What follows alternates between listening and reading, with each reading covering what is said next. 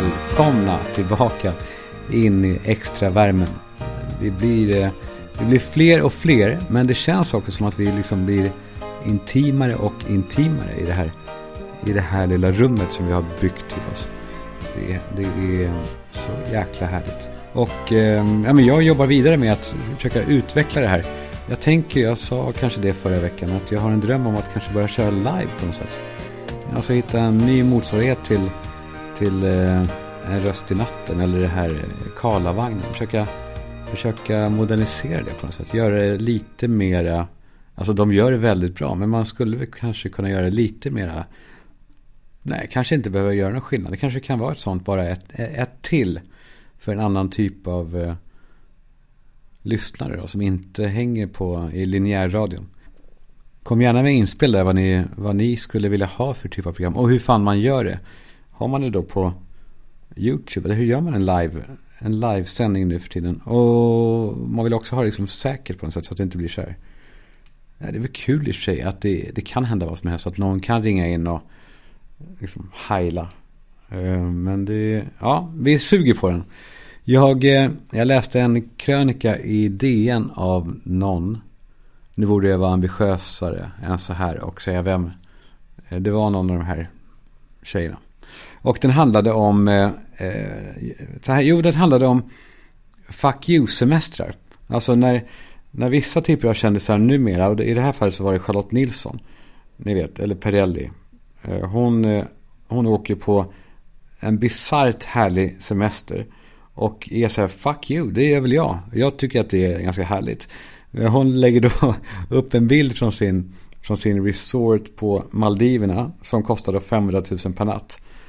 Och så skriver hon typ, eh, sån här sinnesro borde alla få känna. Eh, typ, något sånt liksom. Fast det är ändå farligt nu i poddvärlden. Och eh, att man bara säger saker. Alltså, jag vet inte exakt vad hon sa.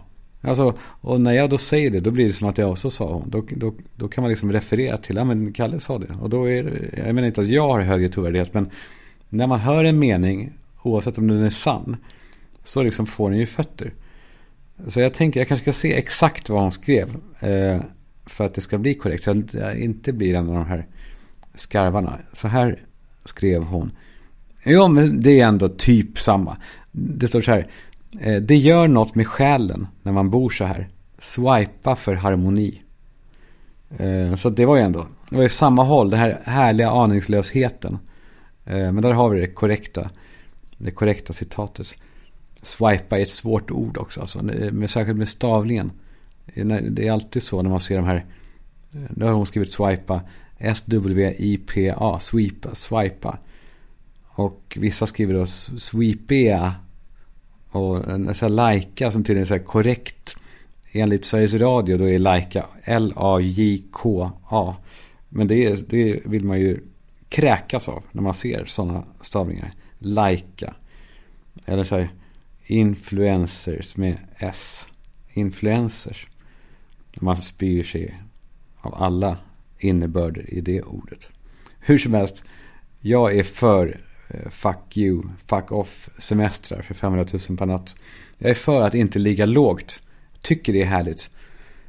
Även om jag säger upp mot mig själv också. För jag kan gilla jantelagen också. Du ska inte, ska inte tro. Du ska inte tro att du är något. Men för några år sedan så var ju resandet såklart ett helt annat.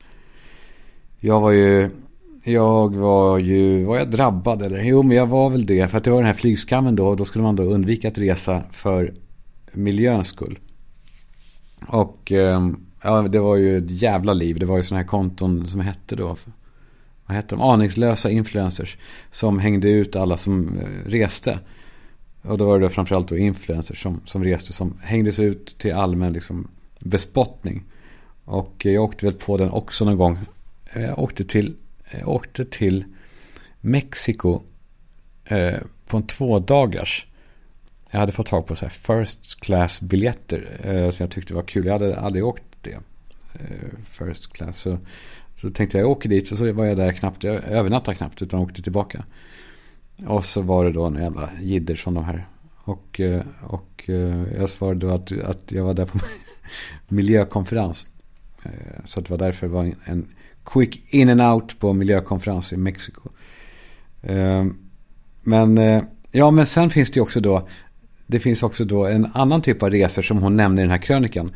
Hemliga resor som inte är hemliga för att man vill ligga lågt av, av miljöskam. Eller ens, eh, som det också var ju, det var ju också eh, skam att resa under, under pandemin ju.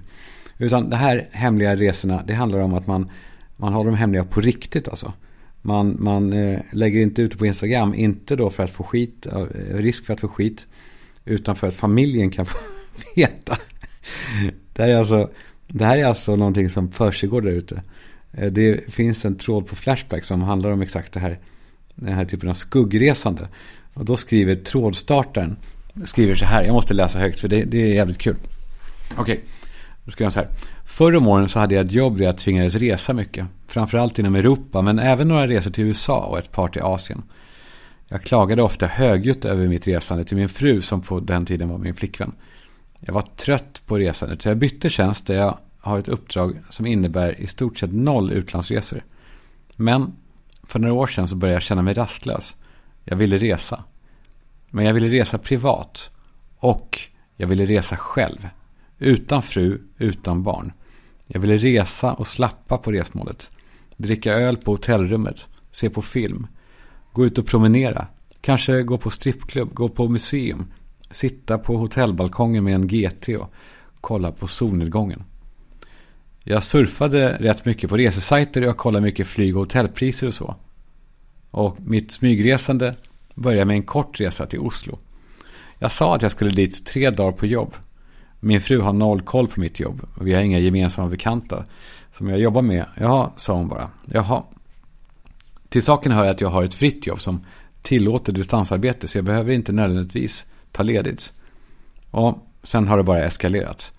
Jag har smygrest på jobb i citationstecken till Riga, Prag, Gdansk, Malaga, Alicante, Zürich, London två gånger och den värsta smygresan av alla tog mig till New York. Jag ville bo på eh, TWA-hotellet på JFK. Så jag hade tre mycket sköna dagar där. Jag har bara varit nära att åka fast en gång.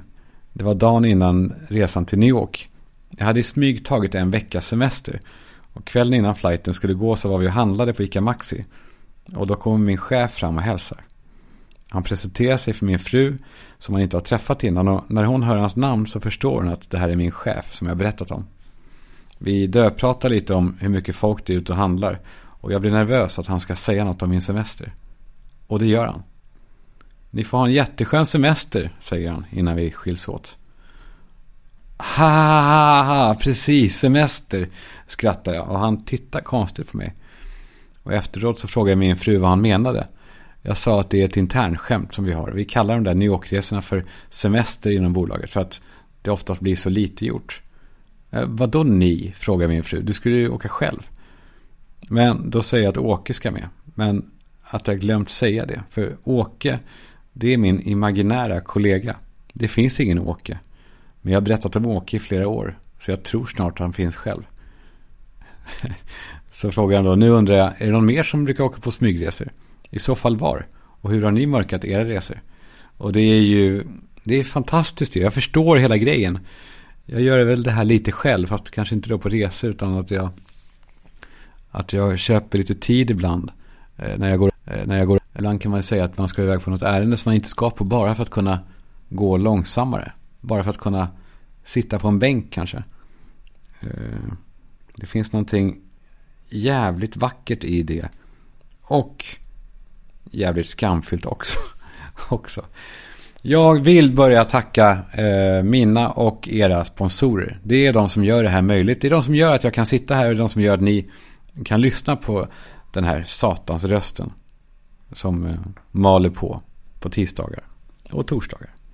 Jag vill tacka bokadirekt.se först och främst. Jag kom ju förra veckan upp med en variant av det här gamla snacket om att skönhet kommer inifrån. Ni kommer ihåg det kanske? Eh, min då take på det var att också fulhet kommer inifrån. Och att vi måste bli bättre på att dölja den här inre fulheten, den här missunnsamheten och dåliga drag och snålhet och skit som vi har. Att vi ska dölja den genom att bättra på vårt yttre, för ibland så läcker den igenom. Och eh, jag bollade den med Fricke och han sa ja, det är bra, gör det du, men det är ingenting, ja, de kommer gå ut med stort. Men så tänkte jag vidare på det här med skönhet. Om jag då ska vara lite allvarlig, lite allvarlig, lite, vi går ju omkring och har så otroligt många komplex. Jag kanske har fler än de flesta då. det är ju, eh, ja men alltså, ofta är de saker som bara behöver acceptera. De som inte är det kan man ju åtgärda. Jag har då min längd, jobbig att fixa liksom. Den är komplex sen jag var mm, väldigt liten då. Alltså liten, att jag var yngre. Skrattar ni? och eh, jag har också ett stort bakhuvud, jättekomplex, ofixbart. Men alla vi människor, vi har också saker som vi är nöjda med, eller hur? Erkänn det, att ni vet det själva. Det där har jag i alla fall. Jag har eh, den delen. Jag har, mina ögon har, har jag. Alltså alla har en superstyrka. Antingen så är det saker som någon har berättat för en. Att det här är fint på dig. Det kan också vara liksom, bisarra grejer. Som att du har så fina underarmar. Mm, eh, det jag tänker på är att det är den här saken, det som vi får beröm för, eller det vi själva tycker är fint med oss, det är det vi ska satsa på. Det är det vi ska gå till salongerna med och säga, kan vi göra det här ännu mer? Alltså man ska bet on the winning horse. Ni ska betta på era vinnande hästar. Alltså, ta de fördelarna ni har och gör dem ännu större. Det är så man vinner här i livet. Och när ni gör det, gör det med bokadirekt.se för helvete. Resten av ert liv. Tack! Och jag vill tacka Vid. Och jag vill verkligen understryka det att nikotinpåsar för Vid, det är inte för alla. Det är inte någon quick fix för att vem som helst ska kunna bli cool och populär bara för att de köper vid. Det funkar inte så. Alltså jag har till och med hört om en snubbe som satte sitt brunsnus i en viddosa för att han skulle framstå som en skön person. Och, och, och det går också åt andra hållet. Jag hörde om en kille som inte gillar vid. Han sa det. Han sa det rakt ut. Nej, vid, det är ingenting för mig, sa han. Nej, det kom senare fram att han hade också besöksförbud hos sitt ex. Samma person. Bara så att ni vet. Och det har inget att göra med kön heller. Det här är, det här är alla. Det var en tjej som sa samma sak. Nej tack, ingen vid för mig. Det hade hon sagt. Och samma kväll så greps hon för inblandning i, i rån av pensionärer. Förstår ni? Så jag säger bara det. Används vid KBK. Tack vid. Och tack Söderberg och Partners. Jag vill inte vara den där tråkmånsen som kommer med pekfingrar och säger så här, tänk på den äldre versionen av dig själv. Alltså de här superboring reklamfilmerna ni ser på tv ibland med den här gammelbanker som är så här, en gamling som går och, och, och ser mild ut. Fuck det. Jag, jag brukar tänka att min äldre version av mig själv, han är redan där. Alltså i just detta nu, min äldre version av mig själv, i just detta nu, så går han fram till ett träd med gråsprängt brösthår. Och han kisar uppåt träkronan där under hatten som han har.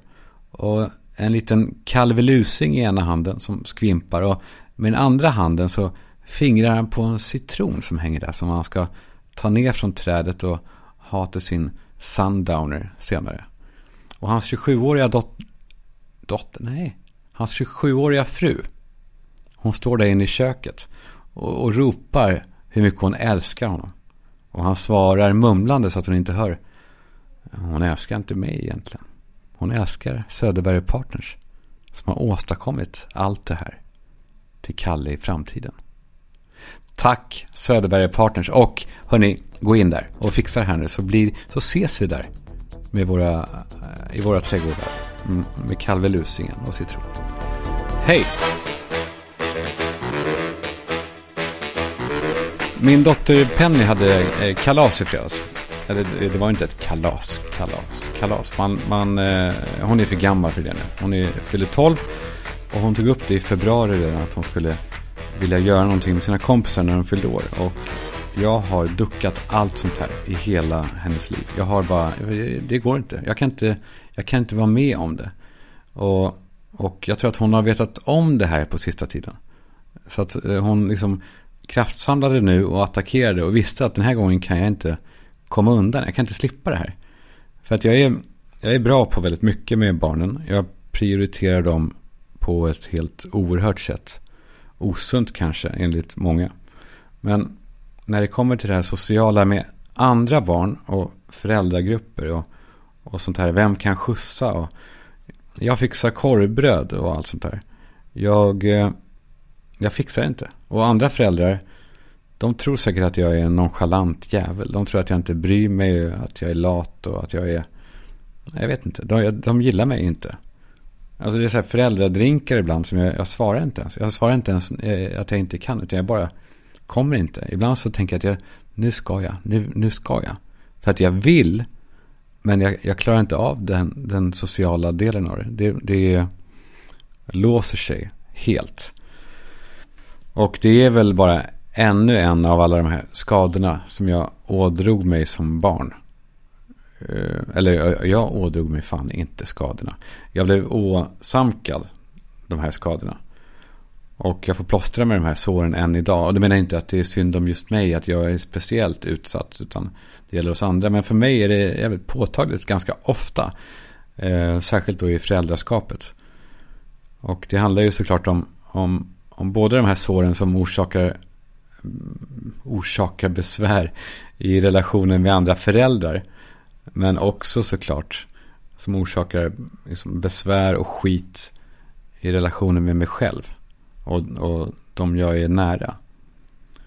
Hur som helst, skit i det. Jag var tvungen att fixa någonting för Penny då den här gången. Och eh, så tänkte jag, hon fyller 12. Här kanske jag kan fan komma undan på något sätt. Jag tänkte, om man fyller 12 vill man ju vara vuxen. Man vill inte hålla på och vara så här eh, duttad med och eh, eh, hanterad.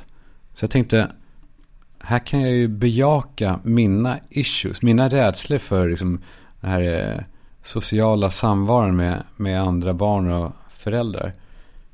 Så jag föreslog att hon skulle kunna bjuda på en tjejmiddag ute på stan, på Brillo.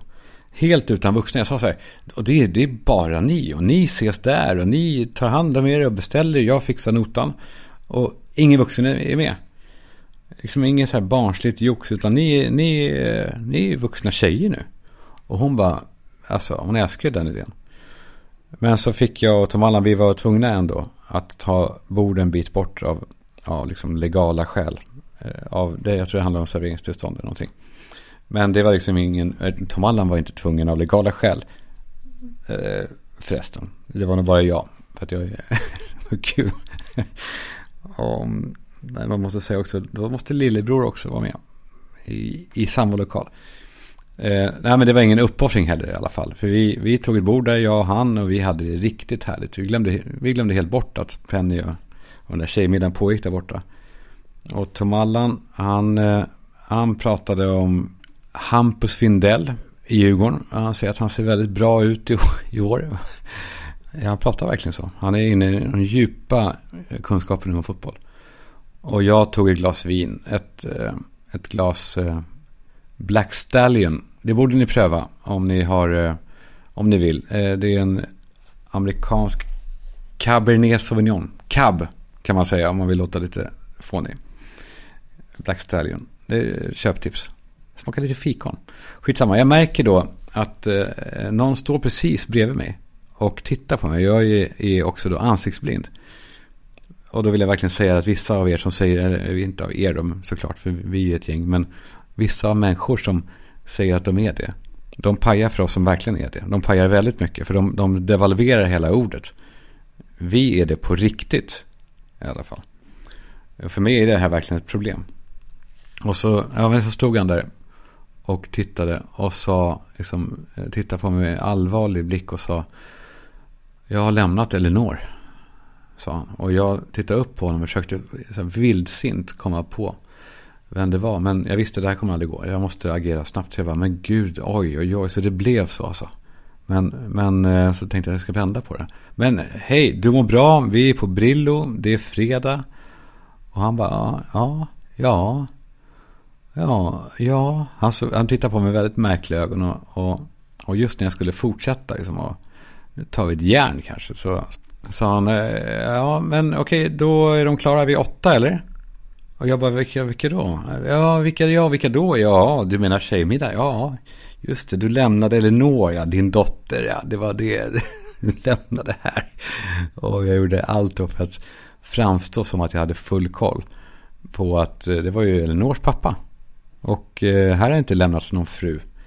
Och eh, han gick och jag blundade hårt och jag ville liksom dunka hela pannan i bordet. Och jag upprepar, jag har lämnat Elinor. Mm, mm, CP. Kalle, ville jag då skrika till mig själv. Och när jag tittade igen så tittade Tom Allan på mig med stora ögon och frågade eh, vad, hur är läget pappa? typ. Ja, det är bra. Och så tänker jag på den här framtida versionen av mig själv. Han är min lilla Söderberga partnersvärd. Jag tänker på att han ser mig i exakt detta nu. Han står där i sin trädgård med gråsprängt brösthår och kisar och, och ser vad jag håller på med. Han skrattar och nickar och, och um, nej, men han tycker det är lite kul att se mig nu för han vet ju att det kommer gå bra. Men det vet ju inte jag när jag, ja, ohälsosamt jävla ofta så tänker jag ju på lilla Kalle. Och lilla Kalle tänkte ju kanske inte på mig att jag tittar tillbaka på vad han håller på, vad han håller på med i dåtiden. Men jag ser då de här enskilda tillfällena. Och jag ser hur viktiga de var då. Vilka spår de satte i lilla Kalle. Jag önskar att han hade kunnat tänka på mig, men han hade inte förstånd då, han var så liten. Och jag tänker på min rädsla att göra fel när någon ber mig om hjälp. Alltså, förstår ni den, den grunden? Någon ber om hjälp och min rädsla för att göra fel. Hur, hur kan man bli rädd för att göra fel? Jo, för att jag blev uppfuckad med det här som barn. Pappa gjorde det här och jag älskar pappa. Jag är, alltså, han gjorde eh, nästan bara rätt. Tragiskt nog så minns man tyvärr ofta felen. Och det kommer ju vi också råka ut för med våra barn. Men han satt vid ett tillfälle i våran grå soffa.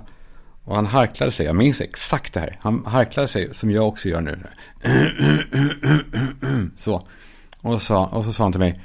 Karl Johan, kan du hämta ett glas konjak? Och eh, jag lekte betjänt och gjorde en sån här liten nickning. Eh, som betjänt gör, en sån här liten subtil liten bara huvudnickning. Och jag ville vara snabb och smidig. Så jag eh, eh, sprang ut i köket och, och, fixade. Och så sprang jag tillbaka, men inte de sista stegen. Då, då gick jag. Eh, så att det skulle se ut som att, som att jag hade tagit det lugnt, fast det gick svinsnabbt. Och eh, pappa tog den här konjakskupan. Och snurrade drycken sådär. Och så läppjade han. Och så bara såg jag att hans ansikte förvreds. Och det blev liksom ilska blandat med någon sorts här häpenhet. Men älskade vän, det här är ju visk. ja, nu, han skrattade inte som jag det här är jag som skrattar. Men han var så här, han, han, han, var, han var chockad. Vad i helvete? Och jag förstod att jag hade gjort fel. Så jag, förlåt, förlåt, förlåt, förlåt, förlåt, förlåt, förlåt, förlåt. Det var, det var inte meningen, men jag visste inte vad det var för fel. Men han sa, det här är inte konjak, det här är whisky. och eh, jag tog hans glas och sprang ut i köket igen och hällde tillbaka i whiskyflaskan. Men jag visste inte vad konjak var. Jag trodde att det enda som skilde mellan konjak och whisky var glaset som användes. Att han, när han bad om en konjak så var det att han ville ha, ha whisky i ett sånt glas. Jag var nio år. Man kan ju inte begära att en, en nioåring ska, ska kunna sånt här. Väl. Last time I checked. Men eh, okej, okay, jag var ändå tvungen att leverera. Och jag borde ju ha frågat direkt när, alltså när han sa det. Vad är konjak pappa, vad är det? Men ju längre tiden gick, desto jobbigare blir det ju att då fråga. För han kommer bli mer och mer uppretad. Ju, liksom, ju längre tid det har tagit mig att ens ställa frågan. Men till slut så var jag tvungen. Och jag hittade inte någonting som det stod konjak på. Så jag, jag gick in skamsen och sa, sa det till pappa att jag, pappa, förlåt, jag vet inte, jag vet inte vad konjak är. Och han då, fan, satans, helvetes jävla skit. Det var hans standardramsa. Jag får göra, jag får göra det själv. Så, så gick han ut, hasade han ut i köket och hällde upp sin grönstedts.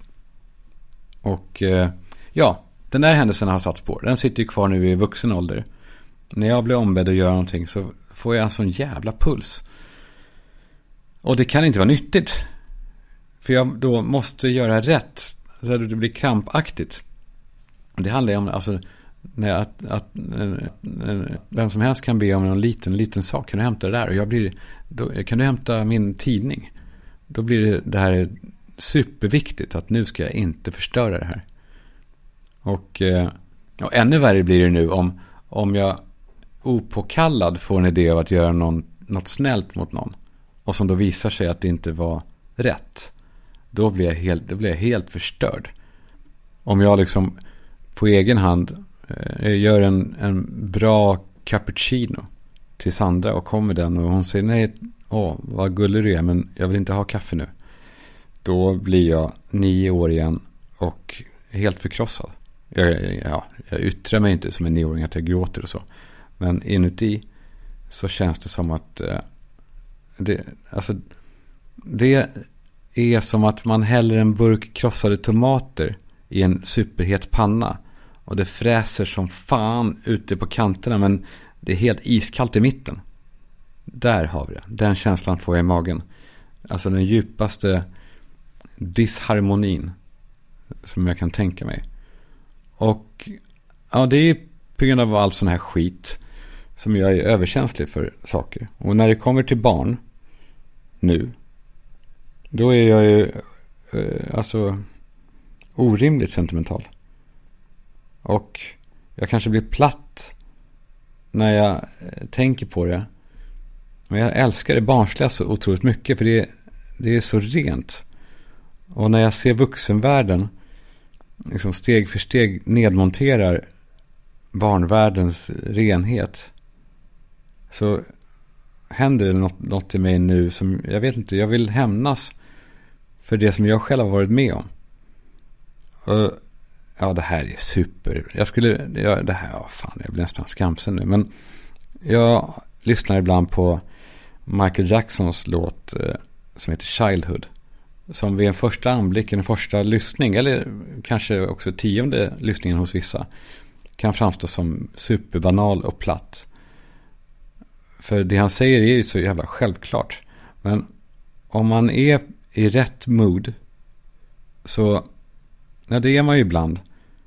Och då kan man liksom få bort alla lager av fett och smuts och jargong och skit man har på sig. Och komma åt ett litet hörn av, av något rent där. Vi kan väl testa. Jag sätter på den nu. Om ni försöker ta bort all skit och ta bort alla rädslor för att framstå som naiva. Och försök att bara lyssna lite. Many of our world's problems today are a result of the fact that children have had their childhood stolen from them. The magic, the wonder, the mystery, and the innocence of a child's heart are the seeds of creativity that will heal the world. I really believe that.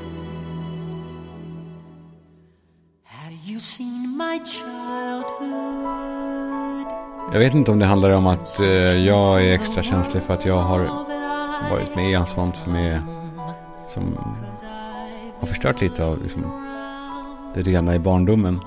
Och jag vet inte riktigt vart, vart jag ens vill komma med det. För det handlar inte om att sprida någon sorts evangelium om barnen och så. För att det är viktigt att säga, det handlar inte om att jag tycker man ska skydda barnen från allt ont och lägga någon jävla ostkupa över barndomen och så. För barn ska ju rustas för ett, liksom, ett långt liv. De ska få se livets baksidor. Det är absolut inte det jag är ute efter. För att det, det är ju vårt jobb som föräldrar. Och jag menar inte heller att, att barns insikter eller påståenden eh, om allt möjligt är särskilt intressant heller. Alltså, det är inte det är inte det att vi ska lyssna på dem när de pratar. För de kan ju ingenting särskilt så.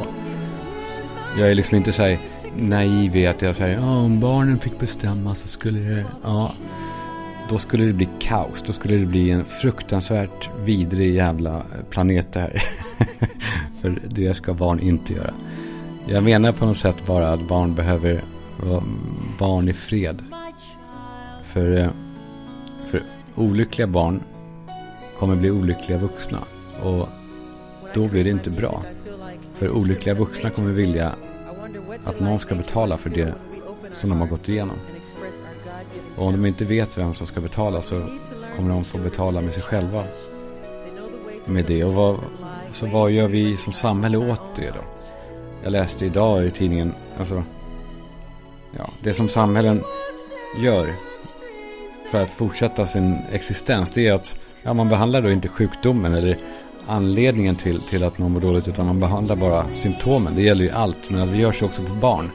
Vi tar inte reda på vad det är de skär sig på när de hela tiden blöder. Vi ger dem bara plåster, så att säga. Antalet barn som äter antidepressiva läkemedel ökar med flera hundra procent i varje sån här period som de mäter. Och det är såklart att det är bra att, att man hjälper dem med det akuta. Det är bättre än inget liksom. Men 33 000 barn fick antidepressiva läkemedel utskrivna till sig i Sverige 2021. Och, och det sticker iväg. Och jag tänker att om man skulle addera de som också mår dåligt utan att de får hjälp. Alltså om man lägger till de som inte ens får de här tabletterna utskrivna. Då kommer vi upp i siffror som är så skrämmande att, att ett land måste göra någonting radikalt. Men det vill ett land inte göra. Det vill inte heller vuxna. Det vill inte föräldrar göra. Man vill inte göra radikala saker för det gör att det gör intrång på bekvämligheten. Och då är det enklare med piller. På samma sätt som det är enklare för vuxna att ta hand om sina liksom, svårt åldrande föräldrar genom att checka in dem på ett hem där de slipper se dem. Man slipper jobbet. Vi sätter in, vi sätter in gamlingarna där för att slippa och vi ger barnen piller för att slippa förändra livet. Så att, eh, äh, jag blir förbannad.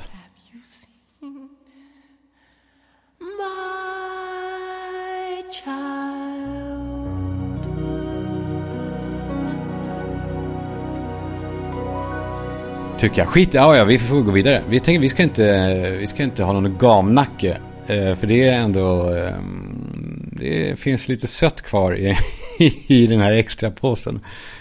Innan vi går in på det riktigt söta efterrätterna så. Alltså, eh, jag har kommit in en grej till som killar gör på den listan. Killar har för tajta kläder. Och jag vet inte om många killar tror att de ser starkare ut om tishan liksom är tight. Men det är precis tvärtom. Det är precis tvärtom. En tight t-shirt gör bara att man ser otränad och fläbbig ut. Däremot en, en, en boxig, liksom oversized t-shirt.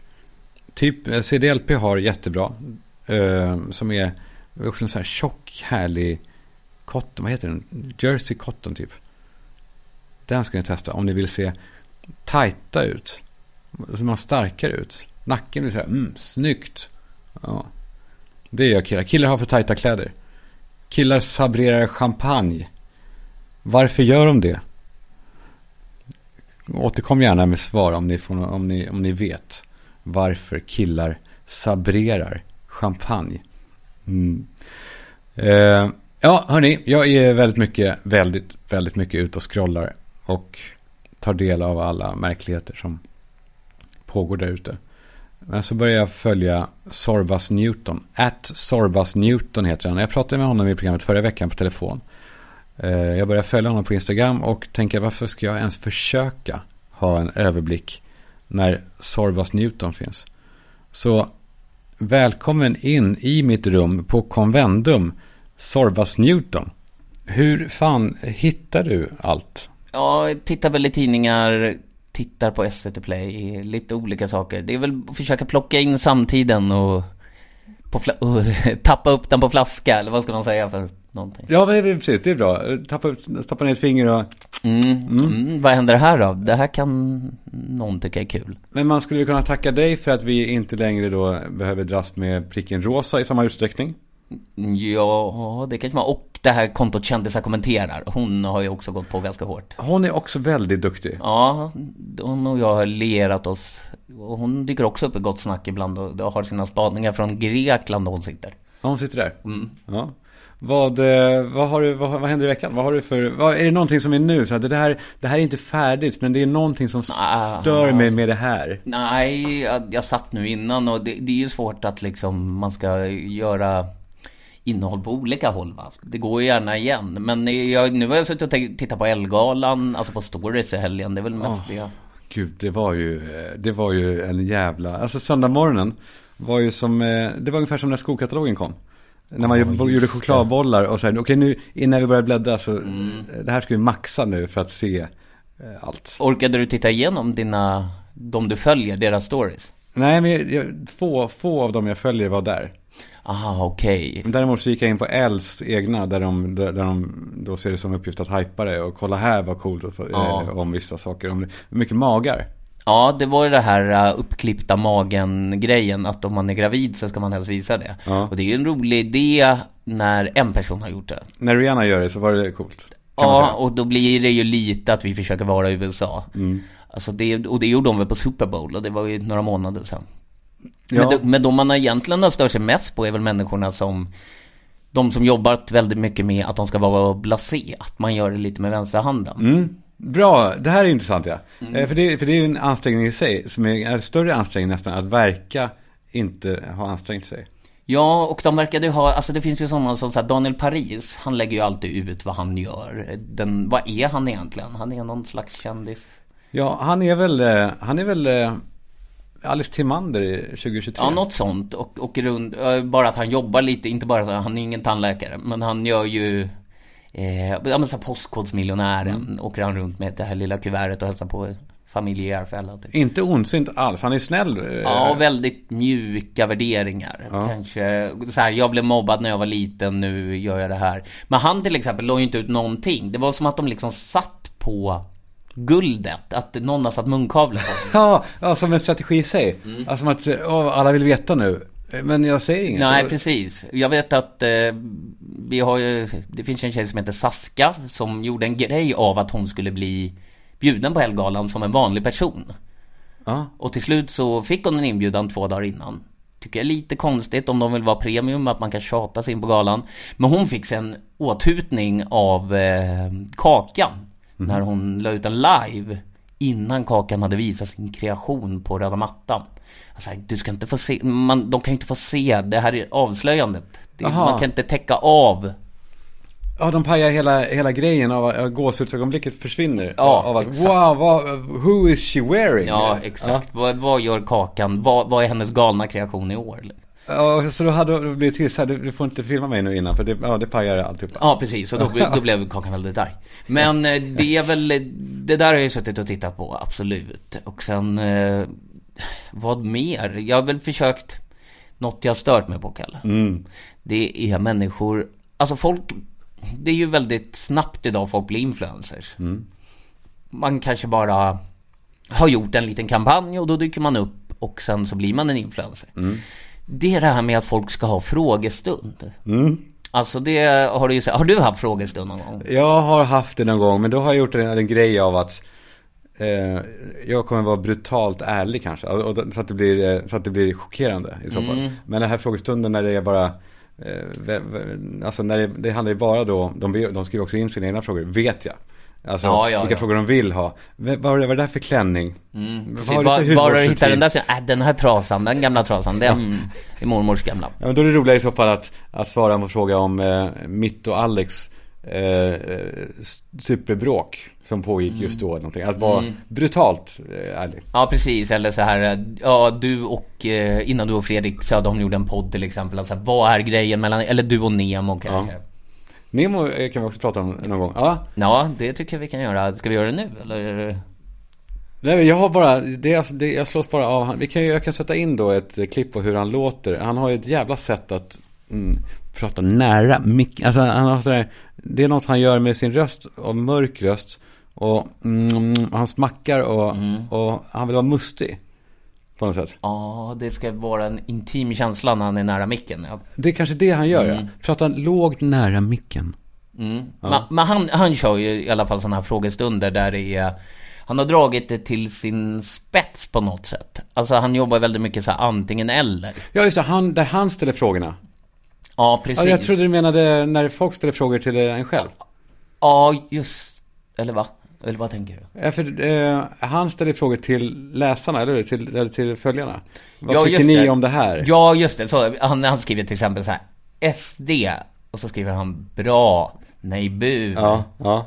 Och det är ju, alltså det är ju, vi, ska man vara någon slags spanarna i P1 så är ju, samtiden är ju väldigt mycket att det ska vara antingen eller. Det vet vi. Det finns ingen mittemellan. Nej, och en fråga han hade var, det var till exempel Kalle Schulman eller Alex Schulman. Ja, och den blev jag mär- märkligt, liksom, tyckte jag var märkligt jobbig ändå. Ja, för att, vad fan är det? Men det, samtidigt, jag hade ju kunnat, eller jag hade inte gjort det, men det finns inget att bli provocerad av. Kanske då att han fick 68% och jag 32, eller vad det stod just då. Jo, men det, den är ju också lite konstig eftersom att du jobbar ju in, alltså han är, din bror är ju, jobbar ju på de större arenorna, alltså så DN, Dramat, alltså Ja. det är ju ett namn som fler konsumerar tror jag. Ja, såklart. Vet vem du är. Det vet man kanske inte vem det är om man är Nemos random-följare? Nej, precis. Och det är, det- så kan man ju se det, ja. Men, men det var bara märkligt att ställa, ställa sig inför antingen eller mellan, mellan sig själv och sin bror. Men, eh, men eh, ja, ja, skit i det. Han har ju något, han gör ju någonting bra.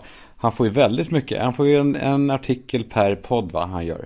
En nyhetsartikel. Det ogillar han inte. Nej, Det gör han inte. det gör det inte.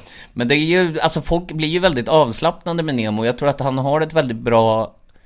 Alltså många vill att så här, ja men eh, det, det ska vara journalistiskt, det ska vara äkta. Men han är ju så pass avväpnande att det är ju där kändisarna öppnar sig. Och sen blir de vansinniga när riktiga journalister på tidningar plockar ut det de säger. Ja, det blir han ja. Alltså det, det, då blir det ju liksom, nu, nu snor ni det här innehållet. Jag vet Lisa Nilsson som vi pratade om blev väldigt arg. Maria Lundqvist blev arg. Lisa Nilsson blev arg också. Maria Lundqvist blir ofta arg va? Blir hon det alltså? Ja, Det ja. känns inte så, för hon har ju en väldigt timid aura runt sig. Alltså hon känns väldigt så oh Sally, och nu trampar hon i klaveret. Jag blandar alltid ihop henne med Viveka Seldal. Jag tycker Ja. att de är lite grann, är inte Maria Lundqvist det som Viveka Seldal var i, i eh, Änglagård? Den, det är samma karaktär. Ja, det är det nog. Och eh, för att knyta ihop det så är jag väl...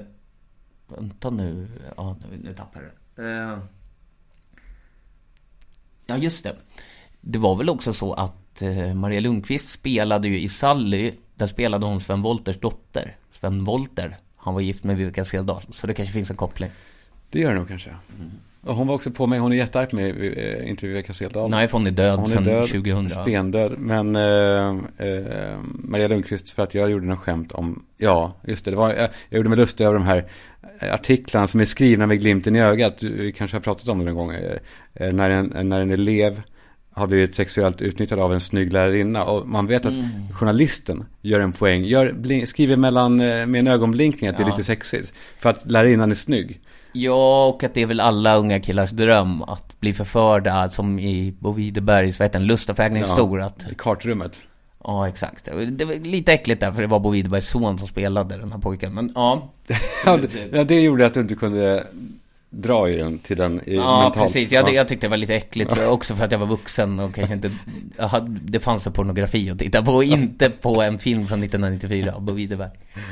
Ja, hon blev i alla fall jättearg på mig och sa att det var för jävligt det jag gjorde. Men det var ju sen, hörde jag också sen att hon är ihop med en väsentligt mycket yngre man. Ja, och det är hon väldigt arg på att det stöts och blöts liksom. Men då kan man göra som Camilla Läckberg och äga det.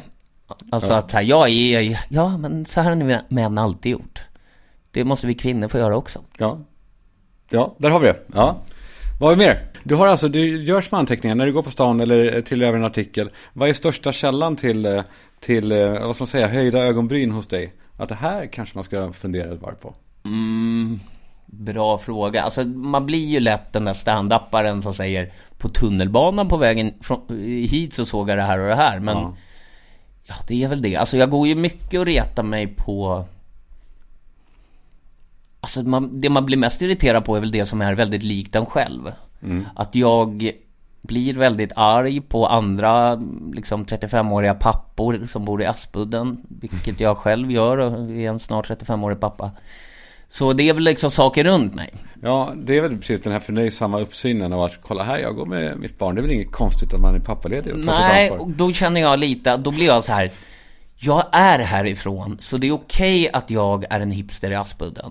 Men ni som är inflyttade från landet, det är någon sån här provinsiell rasism jag sysslar med. Jaha, så det kommer in då folk som har flyttat in från Arvika dit och försöker tolka din stil. Mm, de kanske går på Bayern, då blir jag förbannad för jag är djurgårdare och tycker att kan ni inte lämna Stockholmsfotbollen åt oss i alla fall? Eh, att nu, nu, det här är vår sista bastiljon. Eh, nej men det, det jag har stört mig på i veckan får jag väl säga, det är den här, eh, är du medveten om klädmärket Patagonia? Mm. Ja, ja, jag har till och med, tror jag, en rygga Ja, från dem. för det- Eh, ja, eh, men jag måste också flagga upp, den köpte jag innan det var coolt. Innan Eller det- innan det var töntigt. Ja, exakt. Innan det blev på modet. Ja. För det, det nu sitter vi på Kungsgatan här i Stockholm och det finns ju en sån här natur... Vad heter de? Naturkompaniet. Ja, tvärs över gatan. Ja, precis. Kul att jag gick på andra sidan först och tänkte det finns ju ingen nummer, eh, det numret du sitter på här. Sen kom jag på att just det. Ja, det är ju, två sidor på Ja, gatan. det är ju två sidor på en gata. Hur lurade du mig tänkte jag. Ja. Hur lurar du mig? Ehm, nej men att människor, alltså i den här lilla förorten där jag bor Så har de som en liten 4H-gård med djur och så Och då klär alltså föräldrar ur sig, ut sig som att de hajkar När de ska gå ner och titta på getter och kaniner Ja, de körde byxor med fickor på Byxor sidorna. med mycket fi- fickor, precis så som kanske min pappa gillar att ha, mycket Ja. fickor Tactical eh, pants liksom. Ja. Precis, och så Patagonia-kepsen och så mycket den här duntröja och så har man en dunväst över. Mm. Inte en sån dunväst som du kan gå med på Sturehof, utan det, det ska vara liksom lite mer, mm. ja. Och Patagonia-märket också. Det är ju eh, väldigt intressant. Ja, att man klär sig som att man ska ut och bestiga K2 fast man egentligen bara ska röra sig liksom ner i Aspuddsparken, ta en fika och sen drar man hem igen. Och de tittar på, där har man höns. Ja, precis. Det är lite, lite höns, några hästar man kan rida på. Gigantiska köer till de hästarna. Man får boka upp sig några helger innan. Det är någonting jävligt tragiskt, va? är det inte det? Med, med sådana där gårdar. Skansen är väl en enda stor sån 4H-gård. Mm. Eh, med deprimerade djur eh, som snoriga ungar ska komma och klappa på. Jag förstår inte att Skansen fortfarande får ha djur. Alltså de fick ju ta bort, jag kan ju tänka mig, män i din ålder säger, när jag var liten fanns elefanter. Fast det är kanske lite äldre person än du var. Nej men det fanns det. Ja, det minns du. Jag vill minnas att jag har sett elefanter där, ja. Mm. Och jag fattar inte hur de kan få ha en massa djur kvar där. Alltså Nej. alla djur är deprimerade där. Ja, det, alltså det är otroligt att se hur de går runt. Nu är vargarna skjutna eh, en gång för alla, Ja, tror jag. det, äntligen. Jag tror inte att de fick ihop affären. Jag tror att det var för mycket, det, kost, det, var, ja, det var ingen bra affär. De, eh, men sen är det väl intressant hur man vär- värderar då eh, varför då det skulle vara okej att ha en luggsliten gammal älg. Mm. Är den värd då mindre då än en elefants frihet? Ja, precis. Man garderar hur mycket, ja. För vad har de mer? De har lodjur och sånt, eller? det är så jävla Lo, bisarrt. lodjur som hoppar mellan träd. Alltså, jag, jag, jag kan inte förstå att det finns kvar. För Skansen i sig är ju en trevlig... Alltså man kanske ska jobba mer med sin kärnverksamhet, alltså bygga... Ja, hembygdsgård? Ja, precis. När man runt liksom förra sekelskiftet byggde Skansen för att... Det var väl någon så här nationalsocialistisk eh, liksom, period där man skulle bevara det gamla. När det kom industrialism så bara, åh, nu kommer vi tappa hela folksjälen här. Ja, men då kanske det är bättre att eh, ge det till Jimmy. Och så här, eh, bygg ett Sverige-museum. Åh, hur, hur det lilla vara. Sverige. Ja, med tingshus och rättare och, och där, man, där man har god vandel. Ja, alltså det skulle behövas mer sådana, precis att folk står och eh, gör de här jobben som de gör på Lillskansen. Alltså någon står, en gammal liksom svetsar eller liksom no, Bode, eh, Orrefors. De gör ju vaser och sånt där. Ja, just det. Ja, precis. Ja, men där kanske vi har något. Att vi donerar Skansen till, till eh, De Brune. Ja, så det är får Brune. de eh, leka där och få lajva där bäst de vill. Men då är inhägnat kontrollerat. Och inte brunbjörnar utan eh, Sverigedemokrater. ja. ja men det vet du, har vi koll på eh, att det där kan inte balla ur. För när de då börjar, när de börjar hojta manifest, då kan vi bara stänga av.